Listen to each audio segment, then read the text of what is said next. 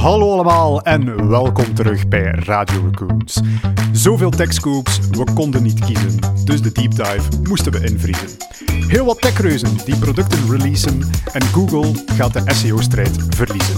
Generatieve AI op je netvliezen en we kunnen ook nog teasen een wireframing tool met Gen AI-adviezen. Tot slot nog een watercooler show-off, recht in je trommelvliezen. Hallo allemaal en welkom terug bij Radio Raccoons. Onlangs kreeg ik de opmerking dat David en ik ons nooit echt officieel hebben voorgesteld aan jullie. Dus ja, ik ga dat bij deze wel eens doen. Uh, dus wij zijn Daphne en David en ik, Daphne, ben marketingmanager bij Raccoons. En daarom zit ik hier dus ook vandaag. En David, wie ben jij? Voor de mensen die mij dus nog niet zouden kennen, want ik ga er inderdaad vanzelfsprekend vanuit, de, de mensen kennen mij Ja, inderdaad. Uh, dus ja, David uh, de Weijer inderdaad. Het is raar om mij nu nog te gaan voorstellen ja. in de podcast, maar voor de mensen die het misschien nog niet zouden weten, ja, mijn officiële titel is eigenlijk techstrateeg. Heel, heel chique heel naam om eigenlijk aan te duiden dat ik vooral heel veel over technologie praat. Ja. En misschien in het dag dagelijkse leven ben ik iets professioneler bezig met technologie. Ja. Hoe kunnen bedrijven daar gebruik van maken enzovoort enzoverder. Maar dat betekent natuurlijk ook dat ik hier graag kom babbelen over alles wat nieuw en hip is. Ja, Inderdaad, dus bij deze zijn we ook eens voorgesteld na hoeveel seizoenen? Zes seizoenen ja. voor u en twee seizoenen voor mij. Wie weet waren er um, mensen die ons al andere namen hadden gegeven of zo. En dan, ja. uh, kijk. Maar ik snap wel waarom dat we die opmerking kregen, want als ik naar podcasts luister, dan hoor ik vaak in het begin wel: hey, ik ben X en Y. En ja, wij doen dat eigenlijk niet. Dus ja. bij deze moeten we daar misschien een, een, vast ding van maken. Voilà, kijk, nu gaan we onszelf voorstellen: de parasociale relaties kunnen ja. nog een trapje hoger gaan als mensen aan het luisteren zijn. Inderdaad. Um, het is ook een beetje een speciale aflevering, deze, want we gaan aan de techscoops beginnen. Maar we gaan geen deep dive doen, omdat we gewoon ongelooflijk veel techscoops hebben. We, we, hebben er een stuk of 10, 11 of zo, denk ik. Ja. Um, en normaal zijn dat er rond de vijf. Dus we hebben gezegd van, we kunnen geen schrappen, we kunnen niet kiezen, het gaat gewoon niet. Het is allemaal, ja, het is op andere niveaus leuk en interessant. Dus we wilden gewoon alles erin steken wat dus deze keer ten koste van de deep dive gaat. Maar ja. we beloven, we zullen wel deep diven in de techscoops dan. We hebben ook gemerkt van, we hebben veel te zeggen over de topics die de revue zullen passeren. En we hebben er ook wel een mening over. Dus ja. Gegeven ook de feedback die we al hebben gekregen, dat wij onze meningen gerust bot mogen laten vieren. Ja. Wel, kijk, bij deze is daar voldoende tijd voor voorzien. Yes, wij luisteren echt heel hard naar onze feedback. Dus als je feedback ja. hebt, stuur het gewoon. Wie weet uh, wordt de podcast dan nog beter. Eén persoon kan de koers van deze volledige podcast gaan veranderen als die maar uh, overtuigend genoeg feedback geeft. Inderdaad. Dus laat uw stem horen, zou ik zeggen. Maar Alright. goed, dan stel ik voor dat we er eens gaan invliegen, zeker, ja. hè, in de techscoops. Inderdaad. Ik ga beginnen met Apple. We hebben het vorige keer ook al uitvoerig over Apple gehad, met de Apple Vision Pro. En vandaag over iets helemaal anders eigenlijk. Want Apple heeft een nieuw open source AI-model gelanceerd, genaamd MG, dat eigenlijk afbeeldingen kan gaan bewerken op basis van ja, instructies in natuurlijke taal. En dat is iets dat we al wel vaker hebben gezien het voorbije jaar. Maar wat is er zo speciaal aan, is dat Apple dat doet en dat die dat open source doen. Ja. Dat is eigenlijk iets never seen before.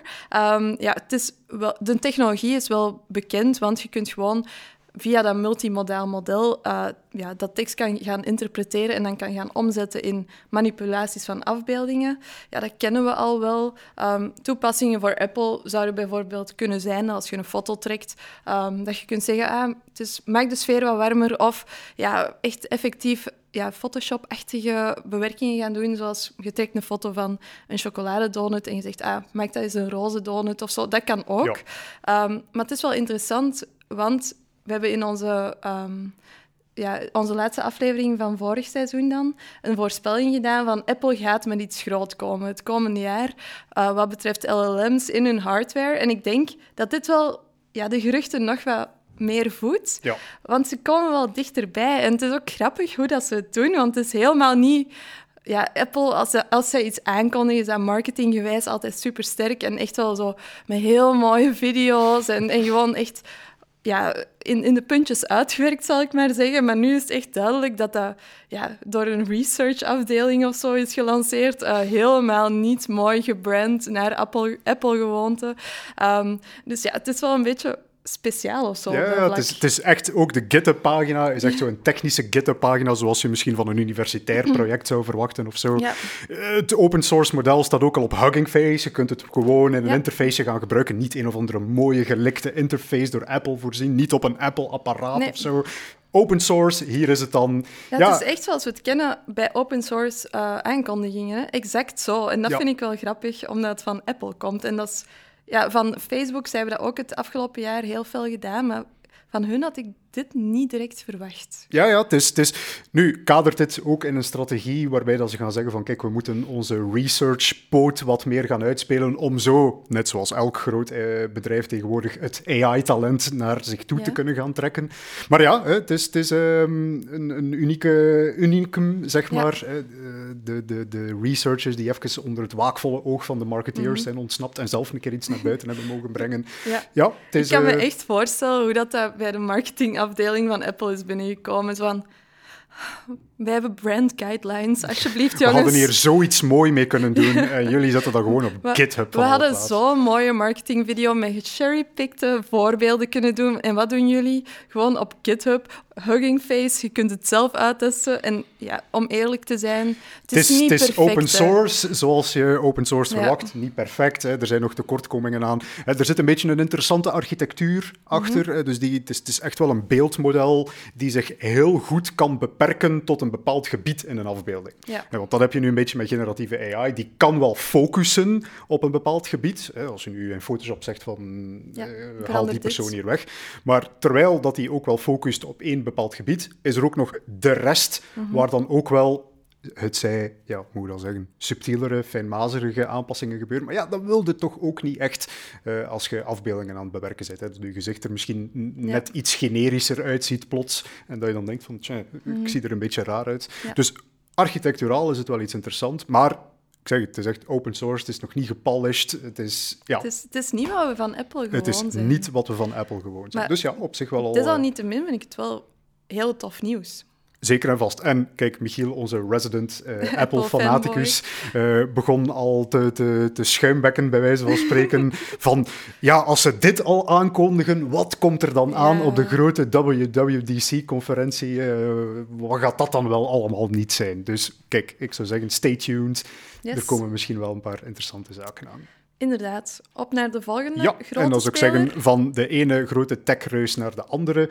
Want we hebben dus ook heel wat Google-nieuws bijeen verzameld. Laten we beginnen met het positieve. Enerzijds, Google heeft nu Gemini uitgebracht. En ja, net Wacht, zoals Dat Microsoft... deden ze toch al? Net zoals Microsoft hebben ze ook zo het idee van, hmm, wa- waarom zouden we meerdere namen verzinnen voor meerdere producten als we ook alles gewoon dezelfde naam Ja. kunnen gaan geven. Dus bijvoorbeeld Bard is niet meer, hè, bestaat niet meer, is nu ook Gemini AI geworden. Het Duet, het, het product die voornamelijk Ah, ja. door zo, zo de Office Copilot eh, Mhm. equivalent moest gaan dienen, is ook Gemini AI geworden. Dus alles is nu Gemini. Het is wel heel hard zoals de Copilot. eh Ja, ja, ja, inderdaad. Ik denk dat daar eh, marketingmensen hebben gezegd van zie, zo moet je een consistente identiteit naar buiten brengen, geen 10.000 Ja. verschillende namen. Maar het wordt wel verwarrend, hè? Het wordt, en wel, kijk, en binnen zes maanden is er een andere marketingmeeting die zegt van kijk, ja, het is, het is niet meer duidelijk, mensen kunnen niet meer differentiëren onder onze producten, we moeten dat andere namen gaan geven. En zo blijft de marketingafdeling eh, Ja. zijn eigen bestaan verzekeren. Hè. De- Inderdaad. zien Hebben wij nog smalend doen over marketeers. Nee. Ehm, maar goed, eh, dus eh, ja, enerzijds dat dus Gemini uitgebracht, ook de Ultra. Dus dat, dat wordt ook al een beetje verwarrend. Ze hebben nu een, wat was het nu weer, een Google Pro eh, subscription uitgebracht, waarbij dat je dus enerzijds betaalt voor ehm, opslagruimte op Ah, ja. Google One, een beetje Dropbox-achtig, maar waarbij dat je dan ook een aantal extraatjes krijgt. En dus een beetje het Amazon Prime-achtig abonnement. Je betaalt voor één ding en je krijgt er een beetje van alles voor in terug. Toegang tot Gemini Ultra zit dus ook achter die subscription. Oké, en heb jij toevallig zo'n subscription? Ik heb zelf nog geen subscription gekregen. Laat het tot eerder zo zeggen. Ik zou het misschien wel zelf gedaan hebben, maar ik verwacht ergens dat mijn werkgever daarvoor betaalt en mij toegang geeft. Dus ik Ja. ben al aan een aantal mouwen aan het trekken bij de Google-mensen bij ons om toegang te krijgen. Dus Ja. eh, als ik eh, een keer een uitgebreide benchmark ga kunnen doen, dan... Misschien in een van de volgende eens, eh, afleveringen. delen. Ja, inderdaad. Maar dus het meest krachtige taalmodel zou nu uitgebracht worden. Eh, wat lezen we trouwens ook in de marge, eh, in de nieuwsberichten links en rechts, is dat die Gemini Ultra ook echt wel competitief scoort met GPT-4. Ja, Dus we hebben al heel veel GPT-3-kandidaten de, de, de band zien passeren. Maar GPT-4 staat nog altijd bovenaan de leaderboard. Naar het schijnt zou G- eh, ik GPT Ultra, Mhm. Gemini Ultra, die scores ook kunnen gaan overtreffen. Ik heb het gevoel dat dat al vaak gezegd is, maar dat dat nooit echt zo is. Ja, Maar het is nog een beetje... te, te kritisch geworden. Het is nog een beetje de, de, de benchmarks af te wachten. Allee, ja. Ja. benchmarks kunnen gegamed worden, maar eigenlijk, wat moeten we afwachten? Mensen die het gewoon gebruiken en zeggen Ja. van, ah, kijk, ik vind het wel interessanter of minder interessant dan, eh, dan GPT. Ja. Mhm. Dus interessant nieuws voor Google. Gemini komt er, allee, is er nu en zal in de komende maanden ook steeds breder uitgerold worden. Ik ben benieuwd. Goed bezig. Goed bezig Op enerzijds. Anderzijds gaan we dan naar het andere Google-nieuws, die ja, toch wel een, een iets andere toon heeft gekregen. Ehm, eerst en vooral een, een ik weet niet of dat veel mensen dat nog zullen opmerken, maar een van de features van Google zelf, je weet wel, de search engine eh, waar, waar Ja, het gigantische techbedrijf ooit mee begonnen is. Een van die meest interessante features, vond ik eraan, is dat zij ook altijd een cache knop hadden. Mensen die al lang op het internet zitten zullen zich dat misschien nog herinneren, maar elke Google Search Result heeft ook een gecached versie van diezelfde webpagina. Dat was vaak heel interessant als je iets oud wou gaan opzoeken en de, de webpagina heeft geen goede connectie niet meer of hij laat niet meer goed, dan kon je altijd nog in de cache gaan kijken wat, daar, eh, wat Google daar oorspronkelijk heeft gelezen. Maar daar blijkt nu, na enkele maanden van geruchten eh, van oei, bij mij is de cache-knop verdwenen, dat het dus nu ook officieel het kruis erover wordt gezet. Ja. En dat betekent dus eigenlijk dat wij minder content misschien gaan kunnen accessen? Of heeft dat implicaties Ja, voor inderdaad. gebruikers? ehm, de discussie die daarop gevolgd is, ging dus inderdaad nogal sterk op. Ja, dit plaatst nog meer druk op internetarchivarisch-diensten zoals de Wayback Machine. Ik weet niet of je de Wayback Nog Machine kent. Heel interessante website trouwens. Dat is echt dus een website die het internet aan het backuppen is. Ah, ja. Dus dan kun je bijvoorbeeld echt vragen aan de Wayback Machine, hoe zag de voorpagina van CNN eruit in 2002? Oké, dus als ze zeggen alles, op het alles wat je ooit op het internet zet, blijft daar ook. Dat zit dan in die Wayback Ah, wel, Machine of wat? Dat is dus een uitspraak die eigenlijk niet waar is, want het internet is continu aan het vervellen, bij wijze van spreken. En er zitten dode links in en je vindt dingen Mhm. Ja, niet meer exact. terug. Maar er zijn dus mensen wiens job als een soort moderne bibliothecaris het is om het internet te archiveren, te bewaren, hè, zodanig dat mensen daar later op nog kunnen gaan terugkijken. De Wayback Machine is daar ja, de, de nummer één voorvechter van. Eh, en, en ja, dus echt een grote kans als je misschien raccoons eh eens wat gaan opzoeken in de Wayback Machine, Oei. dat dat daar ook ergens in geïndexeerd Ja, zal ik denk dat het nu al beter is dan eh, een aantal jaar geleden kwam Kijk, voilà, als mensen nog eens willen gaan terugkijken. Niet naar de Wayback Machine. Dat hoeft niet gewoon naar onze eigen website gaan. Dat is al prima. Voilà. Dus dat voeren ze af. Ja, enerzijds een, een soort verlies hè, voor, voor sommige mensen dan als je webpagina's die niet goed gaan inladen wilt gaan inlezen. Eh, anderzijds, ja, Google SEO-matig is vandaag de dag zodanig geoptimaliseerd dat als jij het ook maar zou wagen om een slecht ladende webpagina te hebben, dat je Ja. überhaupt niet meer in de zoekresultaten zult gaan verschijnen. Dus ik denk dat dat een probleem is die zich steeds minder stelt. Dat een Ja. pagina in de zoekresultaten niet toegankelijk zou Ja. zijn. Maar ja, over die zoekresultaten gesproken. Maar over die zoekresultaten gesproken, ook daar valt iets over te En dat is toch wel ja, veel bedreigender nieuws, zou ik durven zeggen, voor Google, die nog altijd in de eerste plaats een zoekengine is. Want er zijn berichten aan het uitkomen dat, het staat hier letterlijk beschreven, dat Ja. Google de strijd met SEO-spam aan het verliezen is. Min of meer, ja, een artikel die ik heb gelezen, die, die, die aantoont ook vanuit onderzoek vanuit een Duitse universiteit, dat ja, als je tegenwoordig een Google search gaat doen, Ja. dan wordt meer en meer van de top search results gedomineerd door eigenlijk gewoon ja, gegenereerde, niet, niet, niet een echt artikel, maar gewoon gegenereerde ChatGPT-achtige artikelen Ja. die eigenlijk nergens over gaan, eh, maar die gewoon gemaakt zijn om hoog te ranken in de search results en zo dus eigenlijk ook. En waar niemand eigenlijk krijgen. iets aan heeft. waar niemand eigenlijk iets aan heeft. Hè. Dus dat is ook wel een beetje het probleem dat Google wil gaan vermijden. Ja. Ze hebben enerzijds soort regels die ervoor zorgen dat jij als website hoog gescoord kunt worden, maar die regels worden dan ook misbruikt door mensen om eh, hoger te scoren dan hun En het is nu makkelijker dan ooit om, om iets te genereren dat makkelijk scoort op Ja, Google. het, het artikel vermeldt inderdaad ook dat mensen tegenwoordig zelfs effectief SEO-heists doen, waarbij dat ze bijna automatisch gaan zeggen van kijk, we nemen een pagina die nu hoog staat, we scrapen de inhoud, we herschrijven het met ChatGPT en we passen daar hele agressieve SEO-optimalisatie op toe en voilà. Jij, jij kunt Ja. gewoon naar een webpagina wijzen en volledig automatisch een alternatieve webpagina laten maken die hoger scoort dan die webpagina. Ja.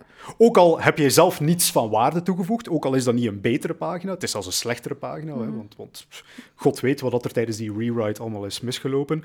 Maar ja, kijk, dat is nu iets dat kan en Mhm. iets dat toch echt ook wel ja, voor de core business van Google... Ja, en voor de mensen die Google gebruiken is dat ook gewoon echt nefast. Hè? Ik, ik vraag me eigenlijk af, gaan ze daar iets aan kunnen doen?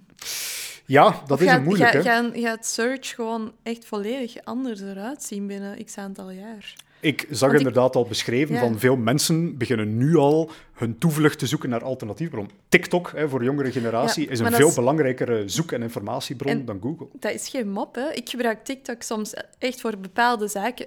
Voor, vooral ja, consumerzaken. Dus als ik iets wil kopen of ik heb een review nodig of zo, ik ga niet meer zoeken op Google. Ik ga naar TikTok of naar Instagram.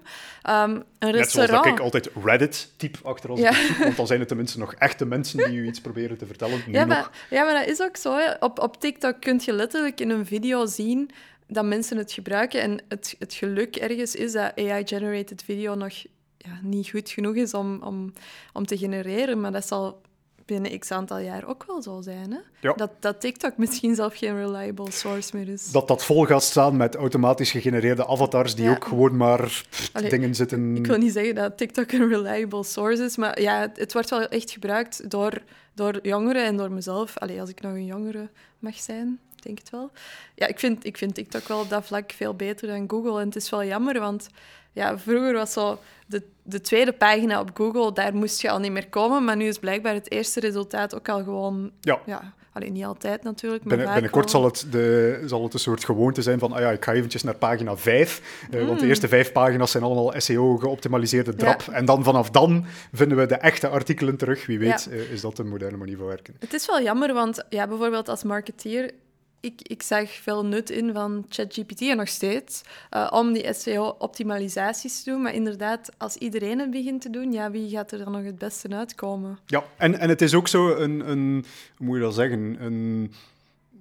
Het, het, het- is met goede bedoelingen, hè, want eh, je wilt bepaalde regels voor websites die goed leesbaar zijn. En bijvoorbeeld, wat wordt er tegenwoordig heel sterk beloond, is dat je alternatieve tekstjes voorziet voor de afbeeldingen die je gebruikt, want dat Ja. is enorm handig voor Google. Enerzijds, laten we daar redelijk over zijn, maar ook voor slechtziende mensen die op die manier veel beter door je pagina kunnen gaan navigeren. Maar ja, die, die, die regeltjes worden dan gegamed door mensen met slechte bedoelingen, of ja, Ja. niet- niet met goede bedoelingen, om het systeem te gaan omzeilen, te gaan Ja. misbruiken en zo, ja. Kijk. En welke regeltjes je ook bedenkt, meteen daarop zal er een SEO-expert zijn die die regeltjes probeert Ja. zodanig te gaan misbruiken dat je daar eigenlijk voor lage kwaliteits webartikelen toch hoog kunt gaan scoren. Mhm. Ja. En vroeger, vroeger kon het ook al, maar nu wordt het gewoon zo gemakkelijk. Volledig geautomatiseerd. Trouwens, eh, toen ik in mijn research eh, Ja?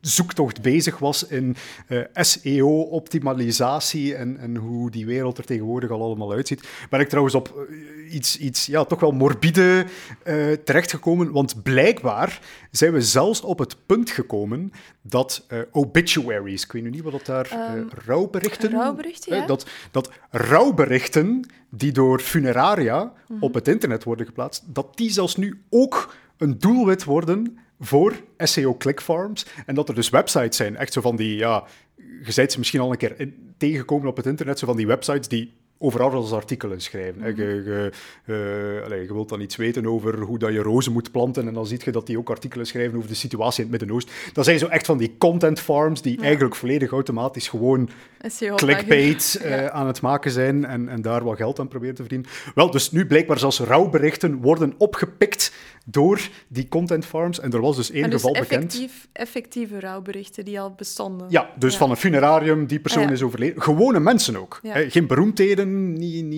niets, niets van dat.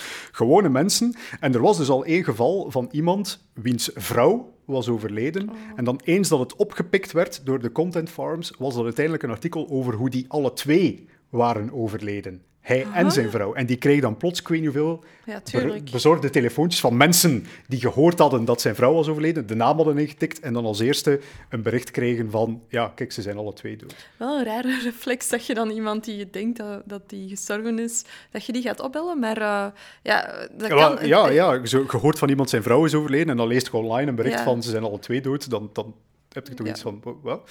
ja, nee, heel raar. En tot zelfs dat punt, en, en ik zeg het, ik- het is, het, is, het is een raar donker hol waarin dat ik verdwenen ben op een gegeven moment, tot zelfs op het punt dat er blijkbaar meerdere YouTube-kanalen bestaan van mensen die, Ja. ja, voorlezen of wat. die, die obituaries ook effectief voorlezen en die daar dus YouTube-filmpjes van maken. Dat kan toch niet? Tot per, allez, dus per dag posten die, die tot 50 tot 100 van die video's. Goh, amai, ik vind dat echt heel raar. Heel rare business. Heel, eh, heel... eh, Waarom? Ja, dat is echt mijn vraag. Waarom? Als iemand het zelf doet, laat het mij weten, want ik vraag mij echt oprecht af. Kun je daar geld... Allee, je Ads, daar geld... hè, ads is, dat was Maar dus inderdaad kijken, ook me- beschreven. kijken mensen daar dan ook naar? Dat is dan de vraag. Heel raar.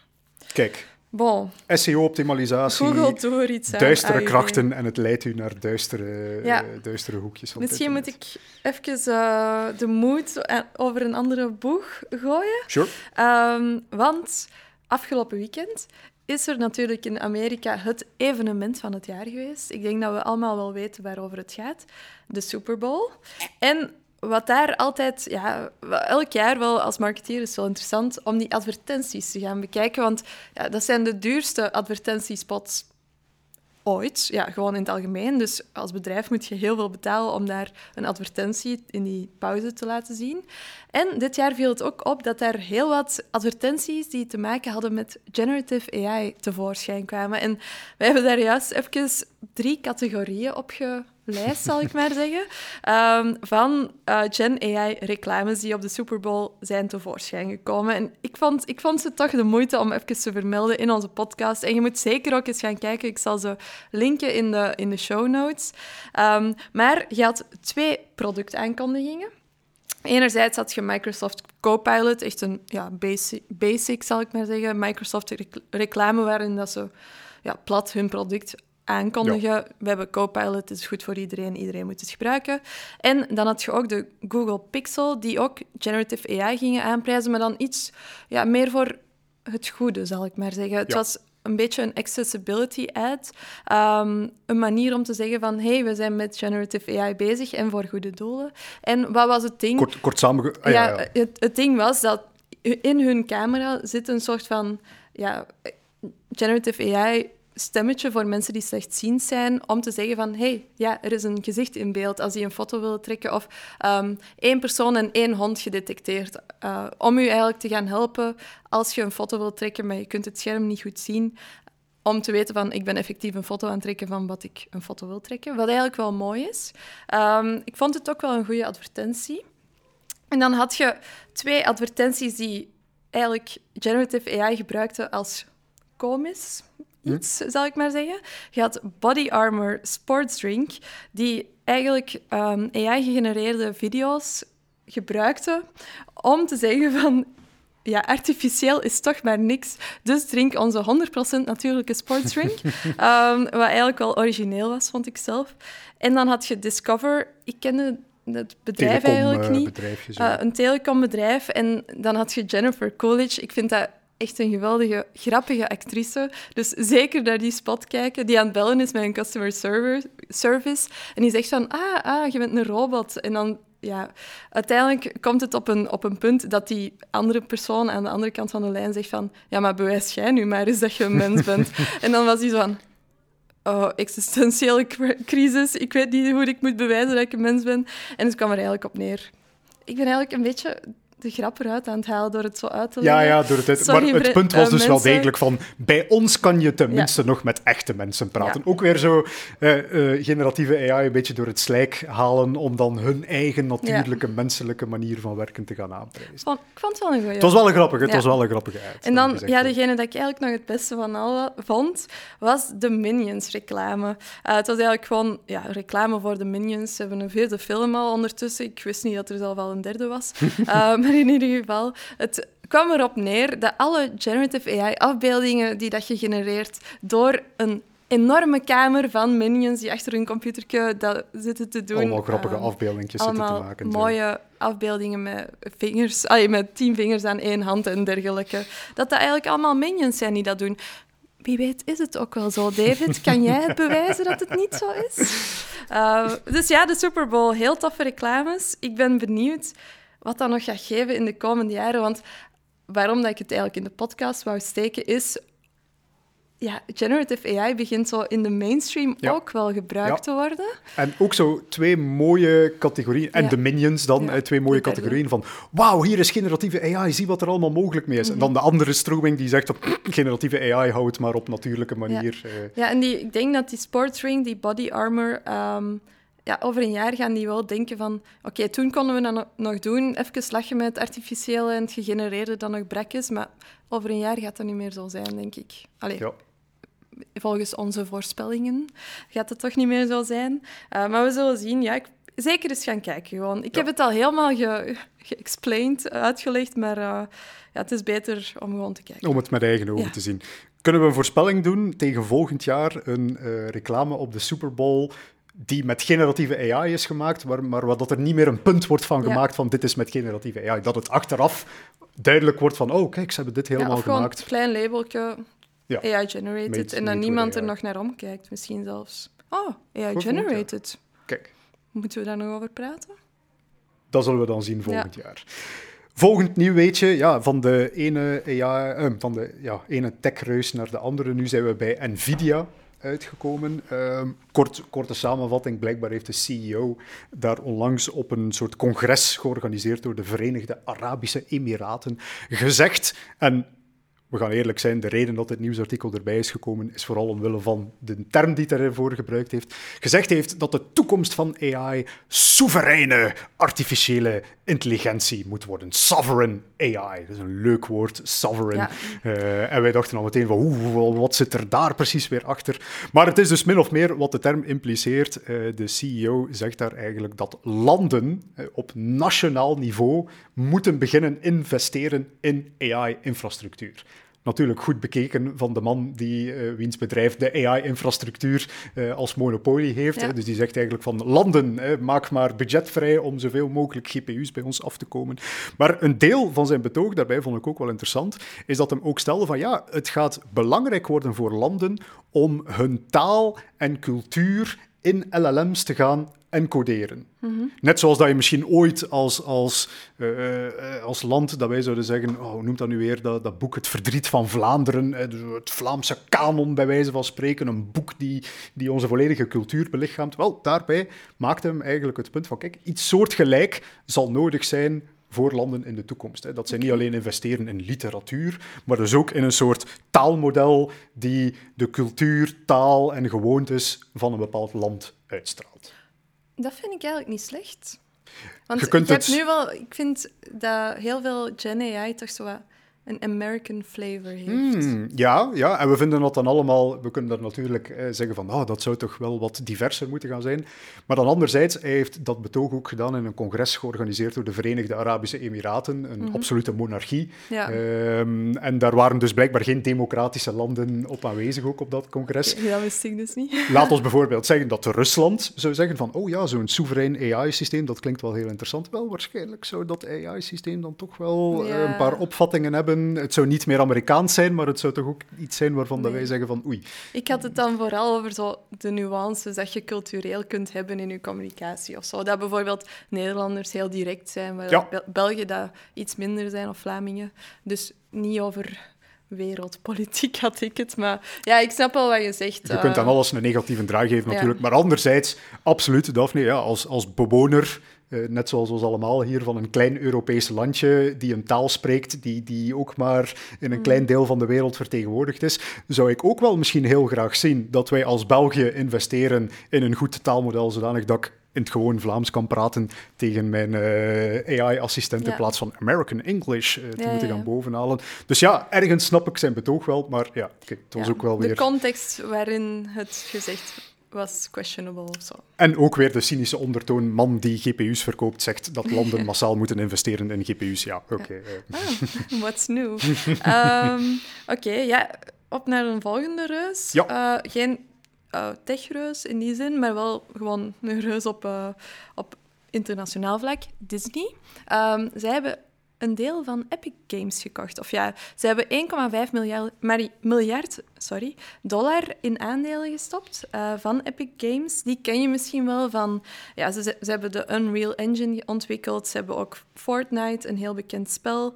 En het lijkt op het eerste zicht misschien van... Ah, Disney die wil misschien spelletjes gaan maken, samen met hen. Hè? Ehm, maar ik denk wel dat het meer dan dat is. Ehm, Disney heeft ooit al eens metaverse-plannen gemaakt of proberen in het leven te roepen. Dat is geëindigd na een jaar. Ze hebben eh, die metaverse-afdeling stopgezet. Maar nu zou het wel heel logisch zijn om via een derde partij, die dan Epic Games zou zijn, toch dat metaverse terug een leven in te blazen. En ik heb naar hun aankondigingsfilmpje gekeken en ik vond het eigenlijk wel, ehm, wel tof om te zien. En op het einde zie je ook ja, een soort van metaverse pretpark, een soort van Disney-wereld in, in, in die metaverse eh, van, ja, van Epic Games. Ehm, dus ik denk dat ze daar naartoe willen gaan. Ja, we zien dat nu eigenlijk al, dat Disney aan het investeren is in meerdere werelden. Hè, Marvel bijvoorbeeld Mhm. Ja. is echt zo die comicboekwereld die ze dan hebben binnengebracht. Star Wars is die sci-fi wereld Mhm. dat ze hebben binnengebracht. En ergens hè, is bijvoorbeeld Disneyland nu al een soort metaverse in real life. Hè, want je kan daarvan in hetzelfde pretpark met Disney-figuurtjes gaan praten, dan bij Darth Vader op bezoek gaan en dan nog een keer met Spider-Man in de Spider Coaster of zoiets gaan. Ik weet niet Ja. welke coasters als ze tegenwoordig hebben in Disneyland, maar dat ook gaan doen. Maar dus ja, het, het wordt toch wel ergens duidelijk dat, dat Disney een soort ja, alom aanwezige entertainment gigant wilt gaan zijn. En zij claimen ook zelf wel van ja, gaming wordt gewoon een heel belangrijk onderdeel van die entertainment toekomst. hè. We moeten niet alleen gaan investeren in pretparken, steeds meer gaat digitaal gaan gebeuren. Dus zij zijn er ook echt wel een toekomst in. En trouwens, voor de mensen die het niet zouden weten, waarom Epic Games Mhm. misschien, is ook nog een interessante. Wel, zeker voor de mensen met kinderen, Epic Games, die zullen weten, die zijn de makers van Fortnite. Ja. En als er één speler is die in de metaverse toch wel serieus kan worden genomen, metaverse, ja, een beetje een, een Ja, een versnipperd... veel ambities, maar weinig realiteit. Wel, als er één speler is die wel degelijk kan zeggen van wij, wij leven in de metaverse, dan is het Fortnite. Ja. Want Fortnite, voor de mensen die het niet zouden weten, die geen kinderen hebben, dat is een gratis spel. Is dat enkel iets voor kinderen of wat? David? Ja, dat is toch, allee, dat Ik is toch echt wel- wel... Er zijn een aantal collega's die dat spelen, dus... eh, Ik heb het zelf ook nog gespeeld, voor de duidelijkheid. Maar ik denk als je als eh, eh, 40-jarige man of zo daar alleen maar in contact mee gaat komen via je kinderen. Ja. Als je kinderen hebt, dan gegarandeerd. Ja, toen ik naar het filmpje keek op YouTube hè, eh, van de aankondiging, dan zei ik ook zo heel veel Fortnite-slang. Eh, en ik vroeg aan David van, wat, wat was het ook al weer? Doe de giddy of zoiets? Ja, ja, Ik weet- ja. En dat ja, bleek dan een. Fortnite-dansje ja, te dat zijn was of een. Fortnite-dansje en ik was echt zo, wat, wat zijn deze woorden die ik hier lees? Ehm, maar ja, ze hebben een bepaalde community en ik denk, ja, Disney, heel, ja, ze, ze bieden toch heel veel kinder... En, ja, en dus ja, dingen aan, eigenlijk uitsluitend bijna, zou ik zeggen. Niet, niet uitsluitend, maar toch heel veel. Dus dat is heel logisch dat ze dat nu doen. Hè? Dat ze daar een uitbreiding van voorzien, absoluut. En dus ja, naast Fortnite, ook weer trouwens, het punt daarvan was van, daar hebben we al characters van Ja, ja. allerlei universa. Je kunt daar met Goku van Dragon Ball Z, eh, Darth Vader van Star Wars is er ook al in gespeeld. En iedereen zit in hetzelfde universum, schiet op elkaar. En ja, voor veel mensen die spreken over de metaverse, de droom van de metaverse, die wijzen nu naar Fortnite als zeggen van kijk, daar is het al bezig, daar komen al Ja. die werelden al tezamen. En daarnaast heeft Epic Games natuurlijk ook nog de Unreal Engine. Ja. Hele belangrijke ja, soort basis framework waarop games vandaag de dag gemaakt worden. Dus ja, lijkt mij toch een heel mooie strategische investering te zijn om die gamewereld, metaverse-wereld te gaan binnentreden. Ja, en ik denk als, als er één speler is die dat mogelijk zou kunnen slagen in het bouwen van, dat Disney echt wel een kanshebber is. Ja, ook in termen van IP, die zij dan gewoon al in, in, in handen hebben, Ja. die ze daar in één keer op kunnen loslaten. Zeker. En ja, gewoon heel de merch rond Disney-films en al die werelden, eh, Mar- Marvel, Star Wars. Ja, mensen willen daarin immersed worden, hè, willen daarin ondergedompeld worden. En waar beter dan in zo'n metaverse. Ja, absoluut. absoluut. We zullen zien waar het naartoe gaat. Yes. Volgende stukje nieuws. Deze keer geen eh, grote tech-gigant, maar wel een gigant in de open source AI-wereld. Stability AI. De makers van Stable Diffusion, gekend als het eh, beeld, eigenlijk het eerste open source algemeen beschikbare beeldgenererend systeem. Die brengen wel aan de lopende band zo eens nieuwe modelletjes uit. Maar er waren er toch wel twee die bij mij eh, in het oog waren gesprongen, die toch wel heel interessant waren. Om te beginnen bijvoorbeeld met Stable Cascade. Een eh, nieuw beeldgenererend AI-model die ehm, eigenlijk gebruik ook weer maakt van een nieuwe architectuur om nog veel sneller afbeeldingen te gaan genereren. Dus ook met het tool om uiteindelijk real-time afbeeldingen mogelijk te maken. Je bent aan het typen en je ziet eigenlijk al Oh. het beeld gegenereerd worden ineens. hè. Kwaliteit daarvan is ook beter dan wat ze tot nu toe hebben gekregen. Dus het is alweer een sprongetje voor Stability AI in termen van beeldgeneratie. Zeker de moeite om eens te gaan bekijken wat ze daar nu al mee kunnen gaan doen. Maar wat voor mij ook het meest in het oog gesprongen was, was een ander model die ze hebben uitgebracht. Ook een generatief model, maar deze keer voor muziek. Ook weer muziekgenererende AI-systemen hebben we al de revue zien passeren. Maar dus hier weer, heel interessant, volledig open source. En we hebben al eens geluisterd naar een aantal demo's. De kwaliteit ervan is Best toch wel goed. is toch eigenlijk echt wel goed. Hè? Ik denk, geef het nog een aantal maanden eer we onze jingle van Radio Raccoons vervangen Ik- door een AI-gegenereerd alternatief. Ik ga daar geen afscheid van nemen, denk ik, David. Ook we al is kunnen het het- heel goed. We kunnen het een remix maken. Hè? We geven ja. het origineel mee en we zeggen van maak er eens een eh, funky eh, Latin vibe van deze keer of zo. En Ik zal het een kans geven. misschien iedere keer een nieuwe variatie. Dat kan nog iets leuks zijn. Kijk. Zo. Te bekijken. Ja, heel leuk model. Eh, kwaliteit ervan is zeer goed. Stability AI Audio. Ehm, ga zeker ook eens op de website gaan Ja, ik kijken. zal het kunt zeker in de show eh, notes redelijk wat demo's gaan zien. Interessant fedivertje trouwens. Een van de zaken die zij ook ondersteunen nu is stereo. Geluid. En er waren al een aantal interessante Ja. muziek, allee, eh, geluidsfragmentjes te horen, want naast muziek kan dat ding ook geluidseffecten Ja. genereren. Dus bijvoorbeeld een voorbij passerende racewagen. En dan Mm. hoor je echt zo... Ik weet niet hoe goed dat, dat nu gelukt is in onze microfoonsetup hier, maar, maar eh, het typische wat nu in de auto van, huh, was dat nu een auto die voorbij Ja, mijn geluidseffecten zijn zo realistisch, Daphne. Eh maar dus ja, ook stereo-audio zit er dus nu in. Geluidseffecten enerzijds, muziek anderzijds. Ja, ik, en volledig open source, wat Ja. natuurlijk ook weer interessant is voor daar het bredere fan van, ecosysteem. altijd, altijd. Altijd van van open source. Eh, ja, super cool. Ik vind inderdaad ook ja, die, die stable audio best wel impressive. Want muziek is altijd zo. Je hoort dat nog wat mechanisch is. En Ja. bij deze on- ongetwijfeld ook een beetje cherrypicked. eh wat dat ze in hun eh, omgeving hebben gezet. Maar ik vond het wel impressive. Dus we zullen zien. Ja. Volgende tekstkoop. Amai, we hebben echt al heel veel tekstkoops gehad. We zijn dat niet gewoon. Het is een marathon. Ehm, maar weer een belangrijke, want Sam Altman wil 7 biljoen dollar ophalen om de toekomst van artificiële intelligentie te garanderen. En op welke manier uh, wilt hij dat garanderen? Ja, dat we gewoon veel meer GPU's, dus chips die we nodig hebben om AI op te draaien, kunnen gaan fabriceren. En wat doet hij daarvoor? Die is in gesprek met allemaal heel veel rijke mensen en landen, want hij is met de UAE uh, bijvoorbeeld in gesprek om zijn, ja, zijn geld bij elkaar te rapen. Uh, ja, ik denk dat het heel belangrijk is dat hij dat doet om de AI-race te gaan winnen. Zeker als we naar AGI kijken, we gaan heel veel chips nodig hebben. Um, ook heel belangrijk op wereldniveau, denk ik, want het zou wel eens kunnen bepalen wie de race gaat winnen als we kijken naar China en de US op vlak van AI en chips fabriceren en zo. Ik denk dat daar ook wel in de toekomst een heel grote markt gaat zijn. Um, op dit moment, als je het in, in perspectief gaat zetten, is het wel grappig, want hij wil er tien keer meer geld in steken dan dat de industrie op dit moment oplevert. Ja. Dus als je dat een beetje in perspectief gaat zetten, is het wel echt zot wat hem nu probeert te doen. Of, of de Verenigde Staten die na, na lang kibbelen met een strategisch, uh, strategische Chip Act ook was uitgekomen, net zoals de rest van de wereld, by mm -hmm. the way, uh, die een beetje nerveus kijkt naar Taiwan tegenwoordig.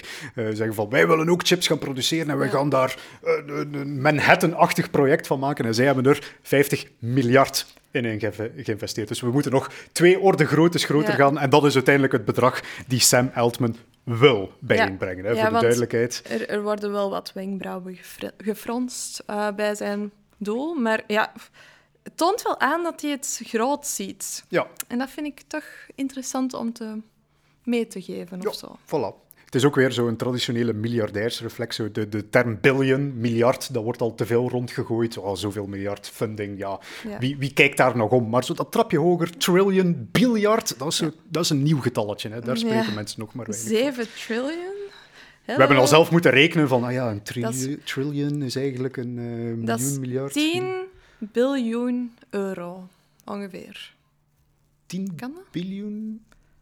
Ongeveer, ja, ja van dollars naar... Ja. 10, zoveel, denk ik. Maar ja, ja dat is gewoon ongelooflijk veel geld hè, dat hij nodig heeft. Maar ja, op dit moment, die, die chips, dat is echt wel een bottleneck in uh, de productie van. Dus We'll Wie weet. Ja, en als hem er ook nog eens in slaagt om, om kosten naar beneden te halen, pak dat we die chips aan een tiende van de kosten kunnen gaan maken, dan wordt er ook weer heel veel meer mogelijk. Dan kunnen we die datacenter nog tien keer groter maken.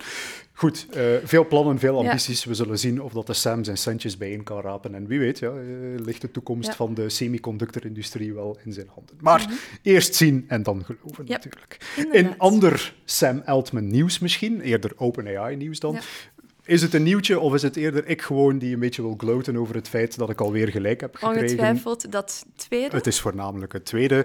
Uh, maar hebben daar dan een officiële voorspelling van gemaakt dat uh, ChatGPT... Ik weet niet of het in een glazen bal was, maar je hebt het ooit wel eens gezegd. Ik, kijk, we kunnen het terugvinden in de archieven indien nodig. Maar ik heb ooit eens een claim gemaakt dat uh, ChatGPT ergens in de nabije toekomst ging afkomen met lange termijn geheugen. Ja. Min of meer, ik denk, we hebben, toen, we hebben dat besproken in het nieuwsartikel over dat mensen daar nu steeds langere gesprekken mee aan het voeren zijn met ChatGPT en daar eigenlijk echt zo ook al een beetje een persoonlijke band mhm. mee aan het op, uh, opbouwen zijn. Dus daar had ik toen het idee van, aha, kijk, wat OpenAI nu zal doen, is een soort systeem gaan bouwen die op basis van de gesprekken weetjes begint te onthouden, bepaalde facts begint te onthouden en dat in een soort lange termijns geheugen begint op te bouwen. Zodanig dat je echt dan het gevoel hebt van wauw, dat is iets dat mij leert kennen, die, die onthoudt mijn unieke situatie, manier van denken, et cetera, et cetera. En dus, uh, na eerdere geruchten, iemand had een venstertje gevonden in de JavaScript-code waar er naar al verwezen zou worden, is er dus nu ook een beta-programma uitgerold nog niet iedereen heeft toegang, maar er zijn opnieuw reports ja. the internet, on the internet van mensen die het al zouden gebruikt hebben, van effectief OpenAI, ChatGPT, die dus een lange termijns geheugen heeft. En dus effectief, wat is dat? Dat is een lijst van zinnetjes waarvan dat je kunt zeggen van, ah, uh, uh, die persoon heeft twee dochters. de, die persoon houdt van basketbal. En zou je dan zo'n zinnetje kunnen... Ja, en daar staat dan effectief een vuilbakknopje na, zo van, nee, ah, dat is niet juist. Nee, ik heb geen twee dochters. Verkeerd. Uh, verkeerd onthouden. Maar dat gaat er volgens mij wel voor zorgen dat je steeds meer een systeem gaat krijgen die ook op u is toegepast. Die steeds meer... Moet je ook niet altijd je prompt meegeven dan, hè? Hallo, ik ben Daphne, ik ben marketeer en ik wil graag... Uh... Hoe vaak ik dat al heb moeten doen. Uh, ik heb nu mijn eigen GPT, dus hij weet mijn context wel. Maar dat is nog wel nog veel handiger, want dan moet je het niet allemaal gaan instellen en is het gewoon ja, de gebruikerservaring gaat alleen maar beter worden. En ook weer voor ons, wij gebruiken dat in een professionele context, maar ja, volgens mij is er echt wel een grote groep van mensen die dat nu ook op een soort persoonlijke manier gaat gebruiken. Ik hoor het al op het internet spreken van mensen die daar zo mental health issues mee bespreken ah, en daarin doorpraten. Wel, kijk, ja, voor die mensen zal dat wel degelijk een, uh, een groot verschil gaan maken, denk ik. Ik denk het wel, inderdaad. Ja, absoluut. Um, en dan de laatste tekstkoop. We zijn er geraakt. We, we, kunnen bijna gaan rusten. um, Naast de Rabbit R1 en de Humane AI-pin is er nog een nieuw generative AI-gadget gelanceerd. En deze keer in de vorm van een bril. Ja. Um, het heet The Frame. Brilliant Labs heeft het ontwikkeld. Kost 349 dollar in pre-order. Momenteel in april of zo zouden ze beginnen shippen.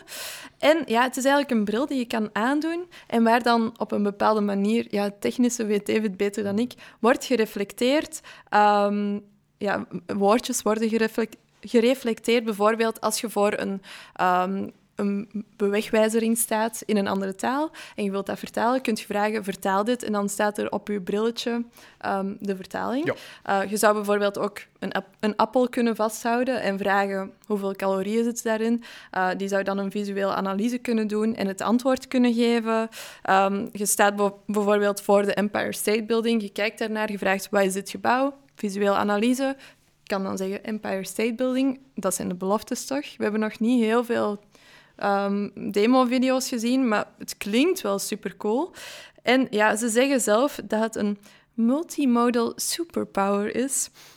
En wat ik het strafste vond, is dat ze volledig open source zijn. Dus je kunt er zelf mee aan de slag gaan. Je kunt het een beetje hacken. En naar... ja, de documenten staan op het internet, de technische specificaties, ook alle hardware die zij gebruiken, mhm. is volledig open source. De chips die zij, eh, de FPGA-code die ze gebruikt hebben om de chips te maken, alles volledig open source. En ja, trouwens, de manier van werking uh, is... Mhm. Eh, ik vind dat dan weer heel interessant natuurlijk. Eigenlijk een beetje hetzelfde als mensen die met een iets duurdere auto zouden rijden. Het, het HUD-systeem. Dat er, dat er zo een, een snelheidsmetertje geprojecteerd wordt op uw voorruit, mm bij wijze van spreken. Wel, eigenlijk datzelfde principe wordt gebruikt in die bril. Er is een klein schermpje die, die zeg maar in uw brilframe bovenaan zit, die projecteert naar beneden. En door de reflectie van het glas zie je dus eigenlijk een beeld die lijkt te zweven een eindje voor u uit.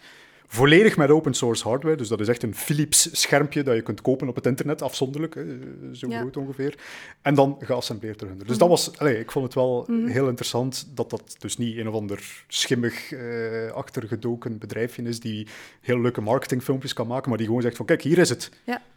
Ja, Maak het zelf als je wilt. Ik, ik vond het echt uh, super impressief dat ze dat op die manier doen. En ja, het ziet er ook wel cool uit, vind ik. Want meestal zo aan die smart glasses ja, sava. Maar dit zag er best wel goed uit, vond ik. Um, en wat ik nog het aller, allerleukste vond, is de oplader. Je moet er echt eens gaan kijken. Um, want het is wel een soort van neusje dat je moet ja, op de brug inpluggen. En dan ziet dat er ja, heel schattig uit. Um, dus ja, ik, ik, vond het best wel een leuke, leuke gadget. Uh, voor de geïnteresseerden misschien ook. Ze gebruiken OpenAI voor de visuele analyses. Dus zoals je in ChatGPT tegenwoordig een afbeelding kunt uploaden en vragen wat staat hierin. Op die technologie is dat dus gebaseerd. Ze gebruiken ook Whisper, die, dat kennen we ook wel goed, um, voor de vertalingen. En Perplexity voor websearch. Dus je zou ook bijvoorbeeld ja, kunnen googlen via je classes. Wat zijn de product reviews van deze ja.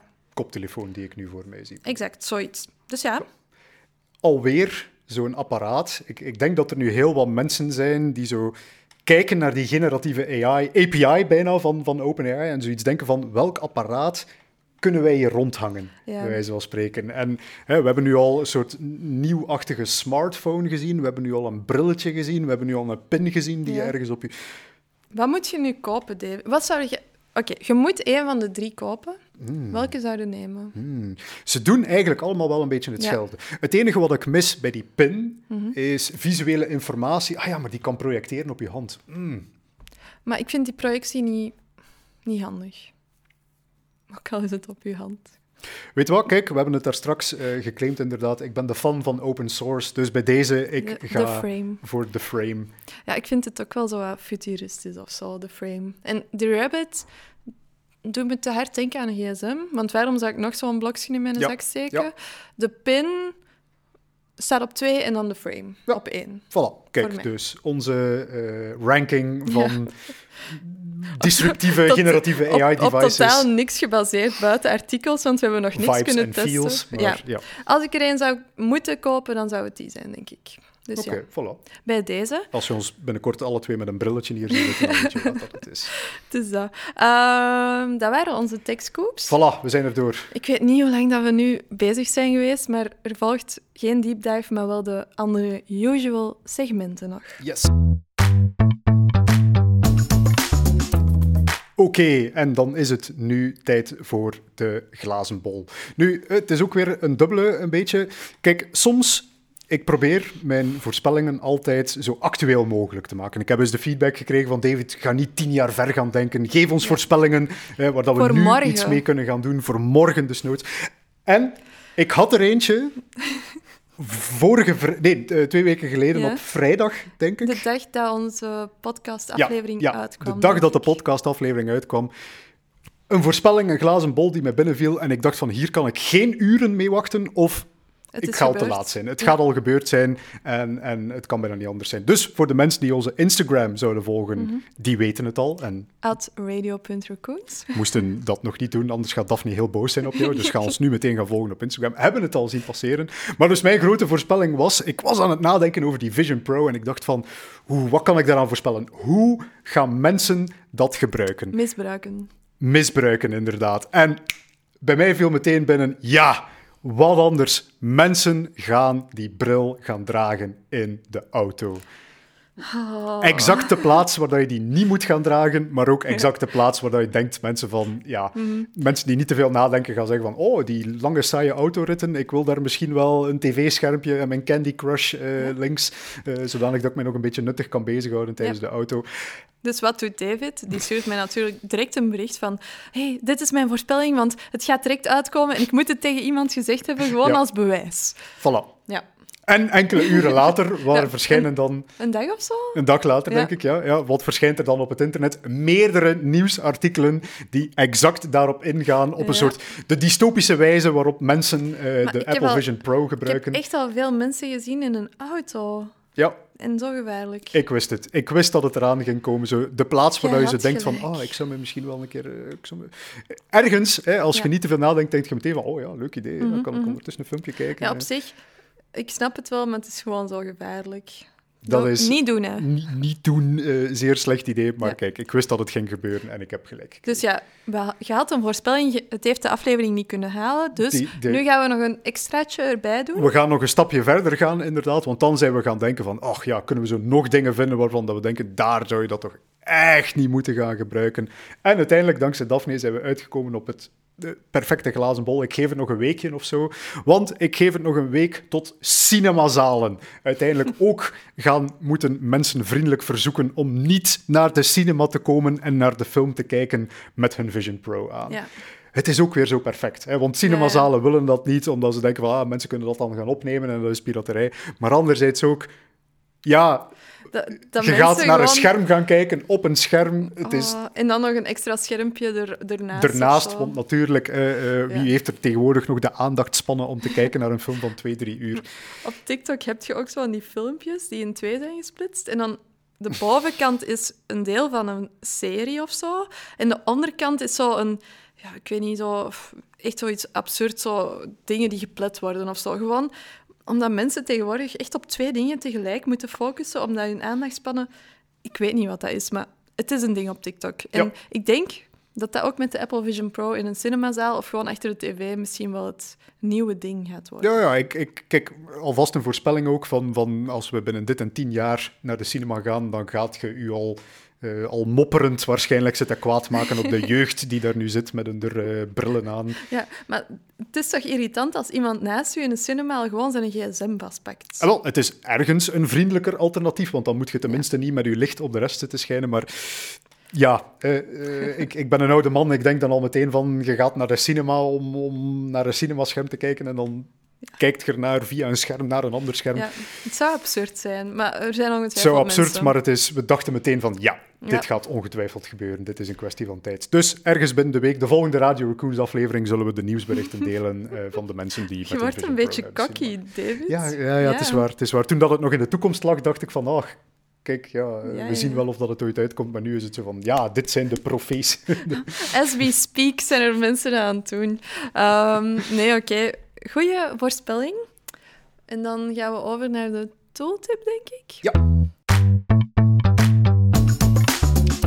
Oké, Daphne, je weet hoe laat het is. Het is tooltip-tijd. Ja, we, we moeten het nu gewoon blijven zingen. Ehm, het is on- onze jingle, on the spot. En ik heb hier een tooltip voor jou bij. Deze keer Reloom. Of, ja, ik weet niet hoe dat... Relume, eh. Eh. Of ergens daartussenin. Ja, kijk, ik zal het linkje in de show notes. En ik vind het wel een toffe, zeker voor de designers onder ons, eh, die af en toe eens een wireframe moeten gaan maken voor ja, later dan een design voor te maken en een website. Ehm, het is eigenlijk met Generative AI, what else, een manier om veel sneller uw ehm, websites, wireframes te gaan maken. En ja, je kunt misschien zeggen, oh, je kunt ook gewoon een templateje gebruiken. Ja, dat kan. Maar dit kan ook. En het gaat echt enorm snel. En ik vind het cool. En ook bijvoorbeeld mensen die met Figma werken om hun designs te maken. Je hebt een exportfunctie. Mensen, ik ben een heel grote Webflow-fan om websites in te bouwen. Ook weer een exportfunctie naar Webflow. En ja, ik ben heel gevoelig voor goede marketing en goede branding. En dat hebben ze ook. Dus daarmee hebben ze hun plaats in deze podcast wel verdiend, voor Ja. mij. Ik vond het ook wel een interessant tooltje. Allee, ook weer voor, voor veel bedrijven, we zien dat vaak terugkomen. Ja, hoe moet hun pagina eruit zien? Dat is dan typisch een soort opening banner en dan zo drie services die ze aanbieden, een about us pagina met een beetje informatie over de bedrijfscultuur, et cetera.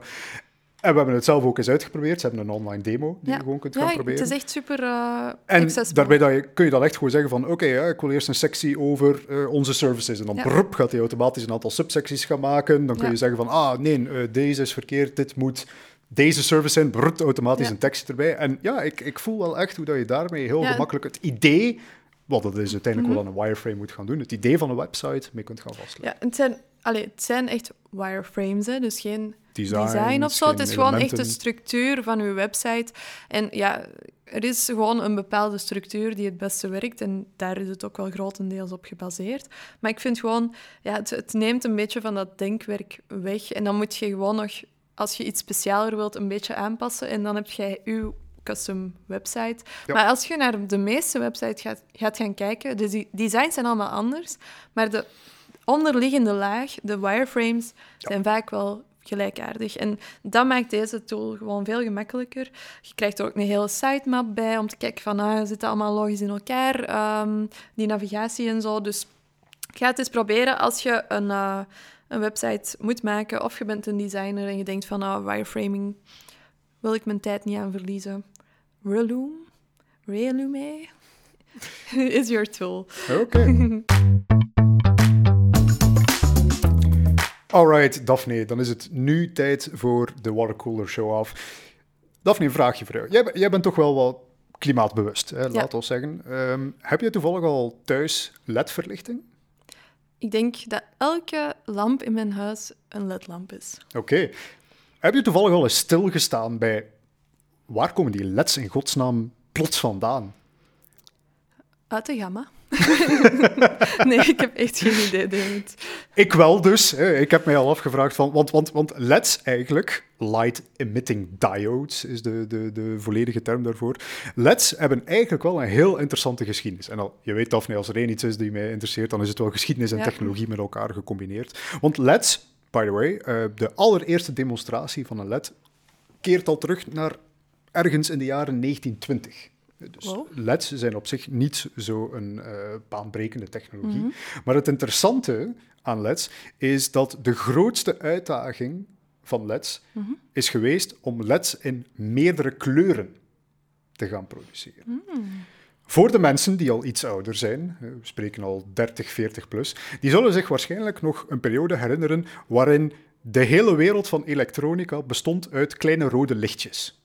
Dus je bedoelt op een videorecorder. De cassette-recorder met het Ja. kleine rode lampje, bij wijze Ja. van spreken. Zelf ik ken die, David. Ja, voilà. En dat, dat, allee, dat, veel licht geeft dat niet, maar dat was zo net genoeg om aan te tonen van ja, ik werk, eh, eh, ja, mijn knopje is ingedrukt.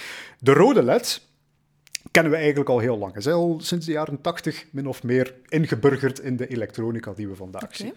Maar de reden dat we vandaag de dag dat eigenlijk alles LED is geworden, dat je LED thuisverlichting hebt, dat je tv-schermen hebt die gebaseerd zijn op LED-technologie, hebben we eigenlijk allemaal te danken aan ja, de uitvinding van één bepaald LED-kleurtje. Ja. Want, wat blijkt, de blauwe LED is eigenlijk 50 jaar lang een van de grootste uitdagingen geweest in de semiconductor-industrie. Echt? De halfgeleiders is dat dan. Hebben mensen hun hoofd daarover moeten breken? Daar hebben mensen decennia lang hun hoofd op gebroken. Mhm. Want natuurlijk, trouwens, waarom is die blauwe LED zo belangrijk? Wat hadden we al? De rode LED, Mhm. daar heb ik al over gesproken. En heel snel daarop hebben we ook de groene LED ontwikkeld. Maar als je wit licht wil gaan produceren, zoals de lampen die jij Mhm. bij je thuis hebt hangen, ja, dan heb je eigenlijk ook nog de derde kleur nodig, RGB, rood, groen, blauw, Mhm. om zeg maar, gecombineerd wit licht te gaan maken. Of eigenlijk eender welke kleur te gaan produceren, want hoe werkt jouw. LED-tv-scherm? Wel, dat is min of meer rode, groene en blauwe pixels, Ja. die dan samen allerlei kleurencombinaties kunnen gaan Kleurentheorie. Kleurentheorie, inderdaad. Een heel fascinerend topic waar we misschien ooit een keer een deep dive over kunnen doen. Maar het interessante daaraan, en nu ga ik even wel zijn naam moeten gaan opzoeken. ehm, het interessante daaraan is dat die doorbraak van die blauwe LED eigenlijk helemaal niet gekomen is van de plaatsen waar dat je ze zou gaan verwachten. Want dat was dus eh, Philips bijvoorbeeld, de, de gigant in termen van verlichting, bij wijze van spreken. Die was daar al 20, 30 jaar lang mee bezig met volledige onderzoeksteams om te proberen een blauwe LED te gaan produceren en dat is niet gelukt. De doorbraak is er uiteindelijk gekomen dankzij een zekere Shuji Nakamura. Mijn eh, verontschuldigingen aan meneer Nakamura als ik zijn naam eh, eh, verkeerd aan het uitspreken ben. Maar het interessante eraan is, ja, dat was eigenlijk gewoon een werknemer in een klein chemisch Japans bedrijfje die mensen maakten ook zoals semiconductorproductjes, maar die werden langzaam maar zeker de markt uitgeprijsd. En die is op een gegeven moment naar zijn baas gegaan en gezegd van kijk, geef mij een hoop geld en ik ga proberen om de blauwe blauwe. LED te gaan maken. Het befaamde, de unicorn, zeg maar, van eh, onze industrie. En die baas was in zijn tijd zelf zo'n wetenschapper die zelf al de productjes had uitgedacht die zijn bedrijf nu aan het verkopen was. Die dacht van, oké, cool, ja, ik wil Go daar wel it. investeren. Hier is 3 miljoen dollar destijds en, en go nuts. Die man heeft daar anderhalf jaar lang, eh, dat was dan in de documentaire daarover, Mhm. elke dag aan gewerkt, op typisch Japanse manier, hè, van 's ochtends vroeg tot 's avonds laat, geen vakantie, Oh. geen weekends, geen, eh, niets, gewoon anderhalf jaar Dedication. lang door aan gewerkt. En die heeft zelfs drie verschillende doorbraken gehaald in de, de chemie, eigenlijk Mhm. algemeen, hè, om, eh, om zeg maar de kristalstructuur te kunnen produceren die nodig is daarvoor. Eh, Oh. Drie afzonderlijke doorbraken gedaan om uiteindelijk op de blauwe led uit te komen.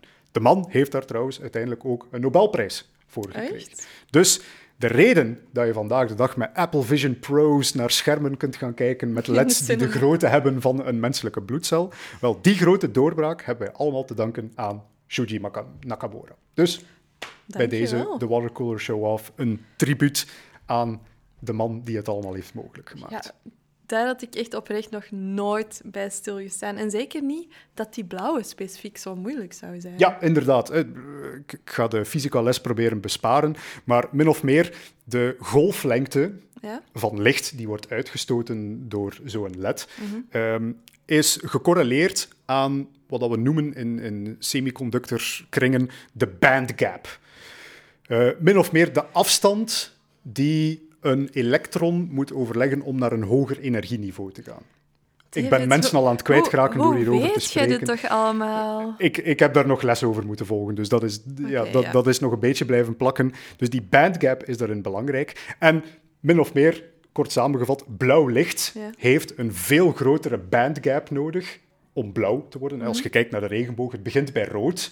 Dat is de laagste shit, frequentie of golflengte. Ik durf het niet meer zeggen, want het een is het omgekeerde van het andere. Dus ik ga geen uitspraken maken, maar dus die gaat eh, de, Ja. de, de laagste frequentie naar de hoogste frequentie, dat is het dus. ja. Licht, eh, rood licht heeft een lage frequentie, blauw licht heeft een heel hoge frequentie. Mhm. En dus daarom was het heel gemakkelijk om rood licht te gaan maken, moeilijker om groen licht te maken, maar blauw licht had een zodanig grote Heel bandgap nodig en wij hadden geen enkel materiaal die daaraan kon gaan voldoen. Wauw. Amai, een hele fysieke les eh, als watercooler show. Niet echt een maar- watercooler show-off, maar een geschiedenisles, maar kijk, ik Maar probeer ze er altijd in te smokkelen. En nu gaan mensen misschien erbij stilstaan als ze hun ledlampen in de gamba gaan halen. Voilà, en weet dus dat als je je witte lampjes koopt, dat daar een zeker blauw ledje in aanwezig is. En daar hebben mensen potverdikke veel moeite in gestoken. Alright. Ehm, onze aflevering zit er dan ook weer op. En ik zou geen marketingmanager zijn als ik geen een heel klein ietsiepietsie reclame zou maken. Ehm, ja, ik heb het vorige aflevering al gezegd, maar voor de mensen die er in december bij waren op onze liveshow, eh dat was op de bar, een event dat wij organiseren bij Raccoons, gewoon over alle nieuwe technologieën. Wat is er aan de hand? Een beetje Radio Raccoons, maar dan in eventvorm, met wat netwerken, lekkere pizza, drankjes. Ja, het zou de bar niet zijn zonder drankjes natuurlijk. Op 14 maart is de volgende editie. We hebben nog een paar plaatsen over. Dus als je zou willen aansluiten die avond, altijd welkom. Uh, we gaan geen live show doen die keer, maar ik ga wel aanwezig zijn. En Sam en Michiel, die op de vorige live show ook een presentatie hebben gegeven, gaan dat opnieuw doen. En het gaat ongetwijfeld heel gezellig worden, dus altijd welkom. En dan de laatste zin die ik moet zeggen is: like, share, subscribe, comment, volg, alles. Um, steun ons in elke manier dat je kan. En dan zien wij jou de volgende keer weer. Yes, tot de volgende. Dit was Daphne en David. Kijk, bij deze nog een naam gelanceerd, zodat mensen het, dat mensen het zeker weten. absoluut, absoluut. Oké, tot de volgende. Doei doei.